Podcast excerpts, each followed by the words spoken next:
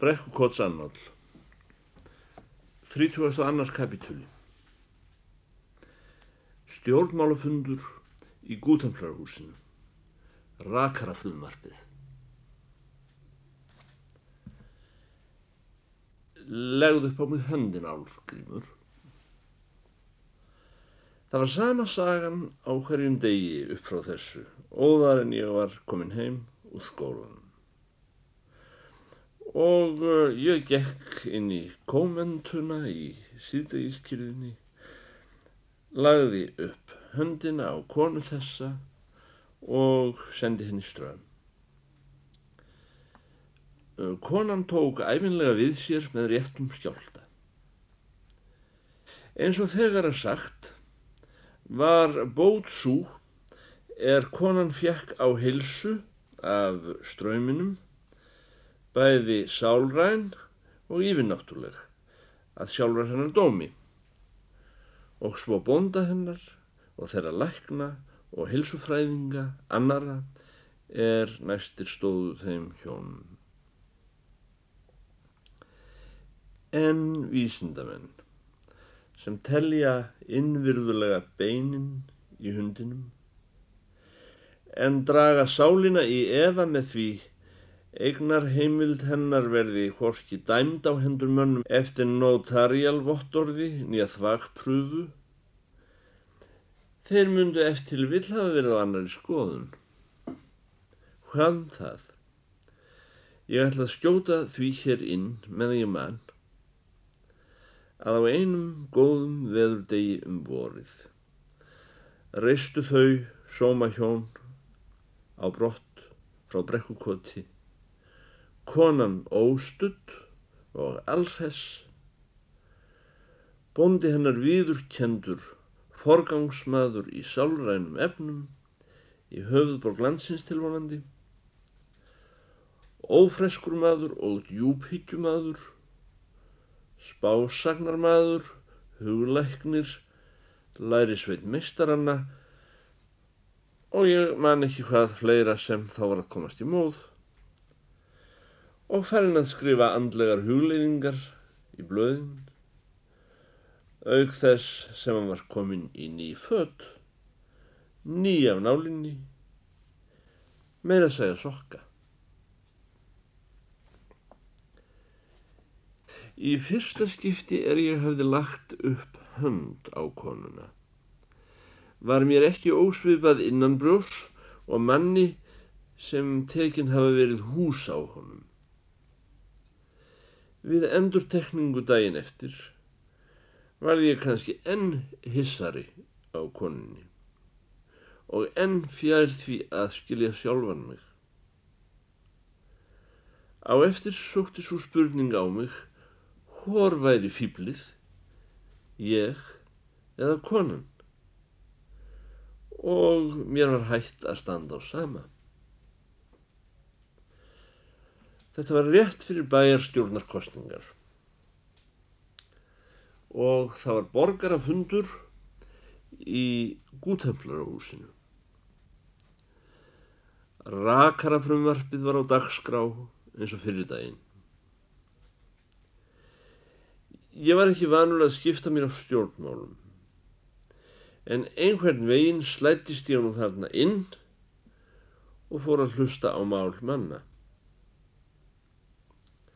Rakara frumvarpið hafði lengi verið mjög viðkvæmt mál í bænum. Um það var deilt hvort leifaskildi rakarastofur yfir leitt og ef svo er þið gert, hverjum takmörkunum skildu þær þá háðar. Átti að þólast í bæjarfélaginu að rakarastofum verið lokið upp á mótnana klukkan 6 eða 7 og síðan haldið áfram að raka fólk þanga til miðnætti. Eða átti að finna einhverja hæfilega upplúkningar stund í kringum dagmál og ákveða síðan með reglugerð einhverjar skynsamlegar hættur að kvöldi. Það var búið að knýja málið lengi þegar ég kom á fundin og enn voru margir ræðumenn á byðskrá. Salurinn var þjætt skipaður fólki svo ég var að standa fram við dýr. Húsasmiður nokkur var að halda ræðu, virðulegur í framkomu með stórt yfirskegg og álítið málstyrður eins og margir greindir menn. Hann saðist líta svo á að það væri ósýður að raka sig á mótnana og sér finnist ekki rétt að koma almenningi upp á það. Hann taldi að rakstur væri þess konar tilhald sem menn leiðu sér þegar þeir færu á samkomur eða í gestaból svo ungir menn þegar þeir færu að hitta annað und fólk og skemmta sér með því á virðulegan og viðegandi hátt. Og þó einhverjum og sér í lagi síðugir pildar sem væru ofinberlega trúlofaður og um, færu að hitta vinnustu sína við skulum segja einu sinni í viku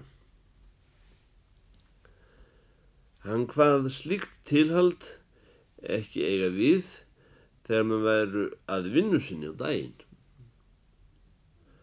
Skoðun hans var svo að úr því opimber skeggrakstur veri leiður hillu heilli á annar borð þá ætti að takmarka sig við kvöldrakstra. Til dæmis á milli klukkan sjö og átta á kvöldin og miða þá engum og sér í lagi við menn sem væri að fara á ofnberðar og um, viðurkjandar skemmtanir haldnar með leiði bæjarfófita. Væri þá ekki ósangjant að krefjast af þessum mönnum að þeir síndu skilríki fyrir því að þeir hefðu ekki hendur leika til að raka sig heima hjá sér. Næstur þessum vóð upp að púltinu skeggjaður maður. Fyrrumbóndi í flóa. Hann hefði keipt sér borgarabrjöf og gerst nýlanduður kaupmaðurinn á laugavegi og tilþrifamaður í bæjarmálum. Þessi ræðumadur við fram að það bæri vottum leti og ómennsku nútímans er menn lömmuðu sig inn í rakhús um miðja daga og hengju þar, lón og dón, að býða hver eftir öðrum og eittu svo tímanum á lastverðan hátt, oft með óþarfa geipi og ábyrðalösu flými um samborgara sína. Samfara tilfinnslusemi og nöldri út í bæjarfélagið til þess síðan að kasta út reyðu fjesínu í slæpingja sem sig nefndu rakara.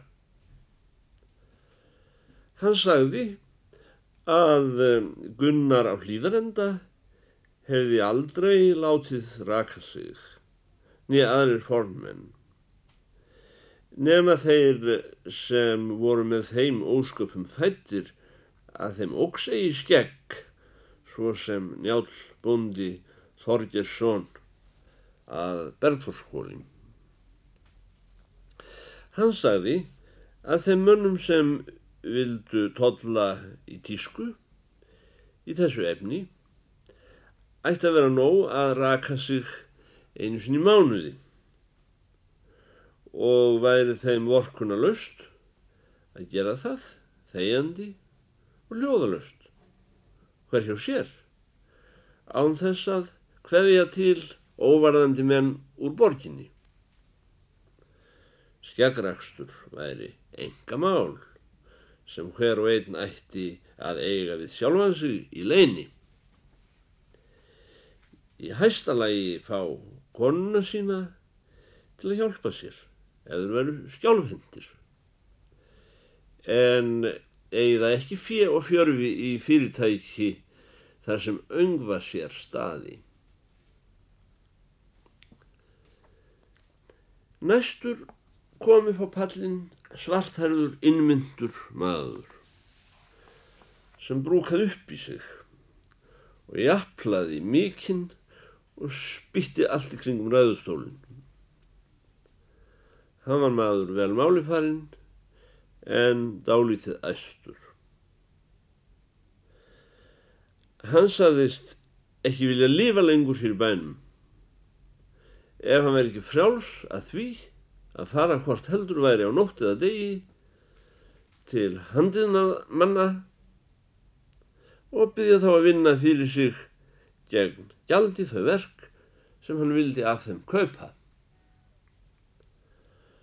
Hann sagði að það mætti eins banna læknum að hafa opið hjá sér á nóttinni og skeggur okkurum. Hann sagði að það veri eins og hverjum lí að Gunnar hlýðaranda hefði sapnað skeggi og skoraði á síðasta ræðumann að sanna þá fullirðingu sína með notariálvottorði. Engin vitiborinn í heilbriður maður hefði nokkun tíma safnað skeggi.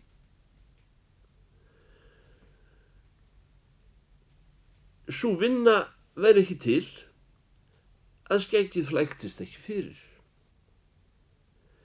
Skeggi söfnuðu ekki aðrir en skeggsárir menn og við þeim kvilla væri ekki önnu lækning en svo að taka í skeggið á þeim og draga þá aftur og baka áfram á skegginu um allan bæinn. Fáir menn eru jafn nöðsynlegir í þjóðfélaginu eins og þeir sem raka skeggamönnum. Í fornöld var eitt og sama ennbætti að vera rakari og læknir. Þessir menn raukuðu ekki aðeins af mönnum skegg, heldur stungu á kílum og skáru af ægsli af því þeir höfðu skoðan nýfa. Allir alminlegin menn raka sig daglega. Það er góður síður að koma til rakarans og tala við samborgara sína um landsins gagn nöðsynjar meðan hver býður eftir að röðin komi að sér. Og því fjö er velvarið sem fer í rakaran, hvort heldur er á nóttu eða degi. Þar næst tók til máls horaður maður með gullt bókfells andlit, klættur í prins Alberts frakka, lonjættur og geysi háan flippa. Hann heldi fram að þó lækningar og skeggrakstur hefðu átt skilt fyrir tímum og við vissu leiti mætti segja að skeggrækstur væri lækning við skeggi. Þá væri það í eðli sínu tæplega siðferðilegt, kristilegt, ellir í samræmi við sósialismann að hafa annan mann til að stjana undir sér á slíkan hátt. Slikt er í raun og veru að gera annan mann að þræl sínum eða minnst að kosti skósveinin. Svo löðurmannleg þjónusta er lít sæmandi og hórum aðilja sem er, hvorki þeim sem þykkur niður veitir. Þjónusta af þessu tægi áhver ekki við nema innan fjölskyldunar. Það er alveg rétt, menn eiga ganga rakþaður. En hitt er jafn rétt að menn eiga að raka sig sjálfur. Það er ekki til nema einn afsökun þess að menn gangi til annara að láta gera hár sitt og skegg og hún er svo að menn hafi geitur eða þjáist af skegg fúa og þegar svo ber til ættu menn að leita læknis. Þessi maður sagðist leggja á það áherslu að þær skoðanir sem hann hefði flutt hér í kvöld um ósýðferðilegt og óþjóð félagslegt háttalag væri fullu samræmi við kommunista ávarpið sem þeir Marx og Engels hefðu látið út ganga árið 1848 svo og aðrar kenningar úr Lundunaborg og loks endur skoðunastefnu Bebels. Ofan í þennan kom nú fram á sjónarsviðið annar að sínu leiti ekki ólærðari og lísti gerðsamlega öndverðri skoðun á málinu. Þessi var rauðbyrkin og hálfskallóttur með óhyrðulegt yfirskegg og velktan flippa og aðeins í meðalagi tentur með vænan ístru snúð og tók í nefið. Það voru svinseiru á vestishornunum hans. Hann sagðist eins og allir vita hafa verið studiosus perpetuus í Kaupmannahöfn í 35 ár og aldrei áður heyrst fylíkar skoðanir. Hann sagðist að vísu ekki ætla sér að deila við mennum það út frá kommunisma og öðrum lunduna hugmyndum nýja endur skoðunarstefnu Bebels og ekki heldur út frá kristindómi hvort skeggrakstur veri lækningar við skeggi eður ei. En hann vildi leifa sér að halda fram að ef svo var þá væru það óyfir náttúrlega lækningar. Einfallega fólknar í því að bera framann í menn sápu til þess að hægara væri að ná aðeins skekkinu og væri slíkt ólíkt viðfældnari leknis aðferð en leggja við andlit mönnum volga kúamíkju eður veru slemur í höfðinu sem langum hefði verið yfkað hér á landi þó að háttvistur síðast ræðumadur, bankastjóri, sósialist og guðfræðingur hefði látið slíkt og átalið hinga til. Ég tel mikla nöðsin á því á Íslandi að hafa ofinbærar stofur þar sem er góð líkt og menn bjóða góðan daginn á vingjarlegan hátt og gangi hvítum sloppum og ástunda að fara svo vel með beitta hnífa að þeir sker ekki aðra menn á háls oft á dag sem er óneitanlega mikil freysting hér í þessu bæjarfélagi.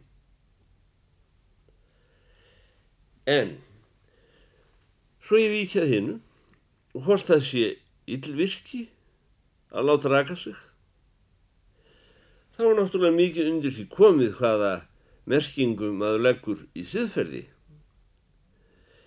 Já og, og hvað maður gefur fyrir pundið í siðferðinu. Nú skal ég segja ykkur dæmisug af því hver mísjafnlega menn verðleggja siðferði eftir löndum. Eins og þið sjálfsagt vitið þá setti Götekarl hinn þýðverski einu sinni saman bókarkorn sem hann kallaði Fást. Það er um mann sem var helvítismatur af að sofa hjá kvennmanni. Auðvitað kemur sig hvað fleira fyrir í bókinni en uh, þetta er rúsinan. Undir bókanlókin hættir Göti reyndar við að senda mannin til helvítis þó að nætti það meðin skilið, en lætur hann bjargast fyrir náð Guðs og sækir áhuga síns á framræslu mýra og býr út englahóp að sækja hann og lifta honum á mun vegu. En nú skal ég segja ykkur sögu sem fer í þveröfuga átt. Þegar ég var í Kaupinhafn, þá var þar á dögum einn ágætur maður sem hétt Pedersen. Hann var rauðbyrkinn og sköllóttur með brendar tennur og brúkaði lítið sápur. Forrest en ekki með öllu ólíkur mér í sjón og reynd. Að því undan skildu að hann var heitbundin 45 stúlkum. Af einhverjum undarlegum orsökum dróðu Danir þennan ágæta mann fyrir lög og fór að yfirheyra hann og unnustur hans. Unnustu kindurnar stóðu þarna grátandi hverjum aðra þvera í réttinum og þó þær væru að smá klórast annað veifið og hárreittu hver aðra lítisáttar og væru jafnvel ekki lausar við að skirpa svolítið hver á aðra þá áttu allar sammert í því að byggja trúlofunarmanni sínum tjenaðar. Því hver og einn var sannfærið um að hún væri svo Gretchen, eða skulum við segja Magga, sem hann hefði lagt við sanna ást. Hverum sig hefði gefið honum hjarta sitt í sannleika. Hver í sínu lagi var reyðubúinn að láta hann hafa síðasta skildingsinn hvenar sem var svo hann geti farið út og keft sér bjór.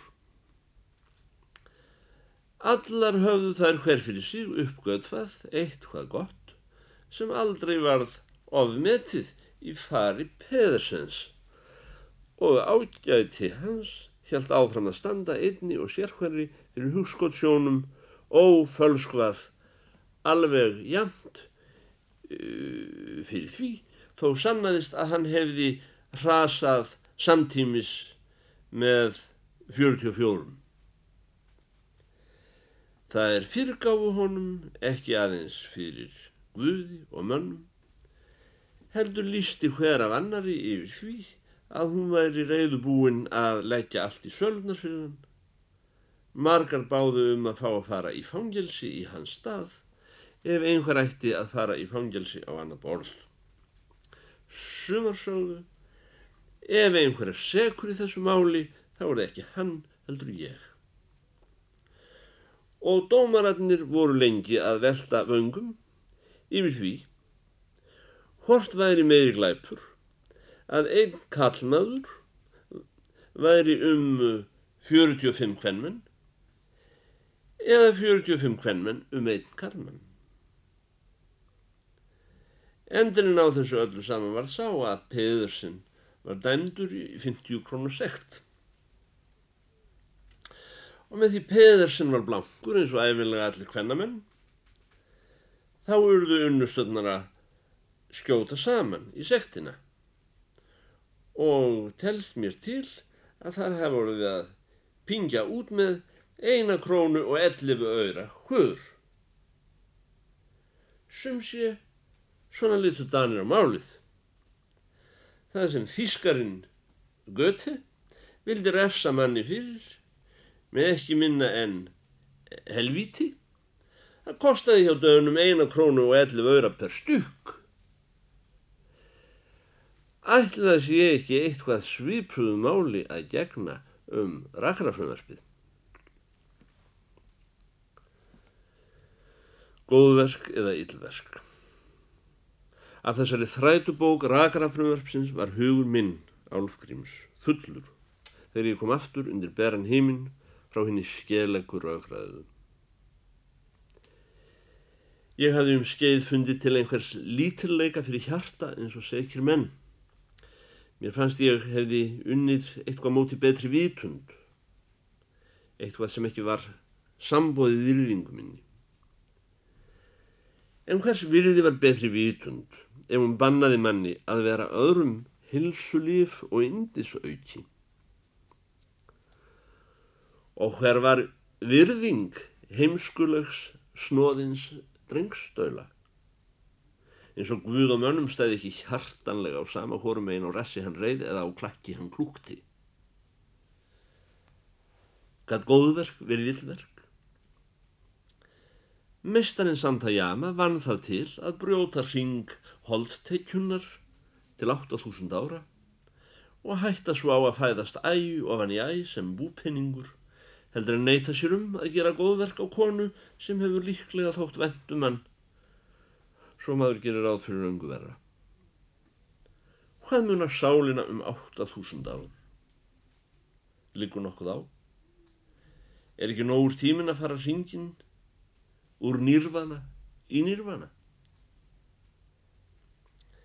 Eða er kannski margt fullkomnara á jörðu en falli úr búpenningur? Eftir vill var ég líka Guðin viss nú eins og bóndanum hafði dóttið í hugun dreins þegar konan gerði bert fyrir honum hvað gerst hafði. Eitt var mér þó ljóst. Ég myndi aldrei framar finna blæi. Svo einn var í rauninni sorg mín. Ég hefði svikið hérna óhold teknu konu, konun á himnum eilíðina í hvernmanns líki eins og segir í niðurlegi þeirrar bókar sem rauðbyrkni maðurinn dró hvað mest dárað á fundinum um rakrafrumvarpið. Með handa upplegging minni hefði ég dreyið þessa ímynd ofan af himni sínum og lagt hana í fjötra holdteikjunar búið henni stað í svarthóli efnisins. Nú var ekki framar skugga að venda á fortjaldinu loft sínin horfinn.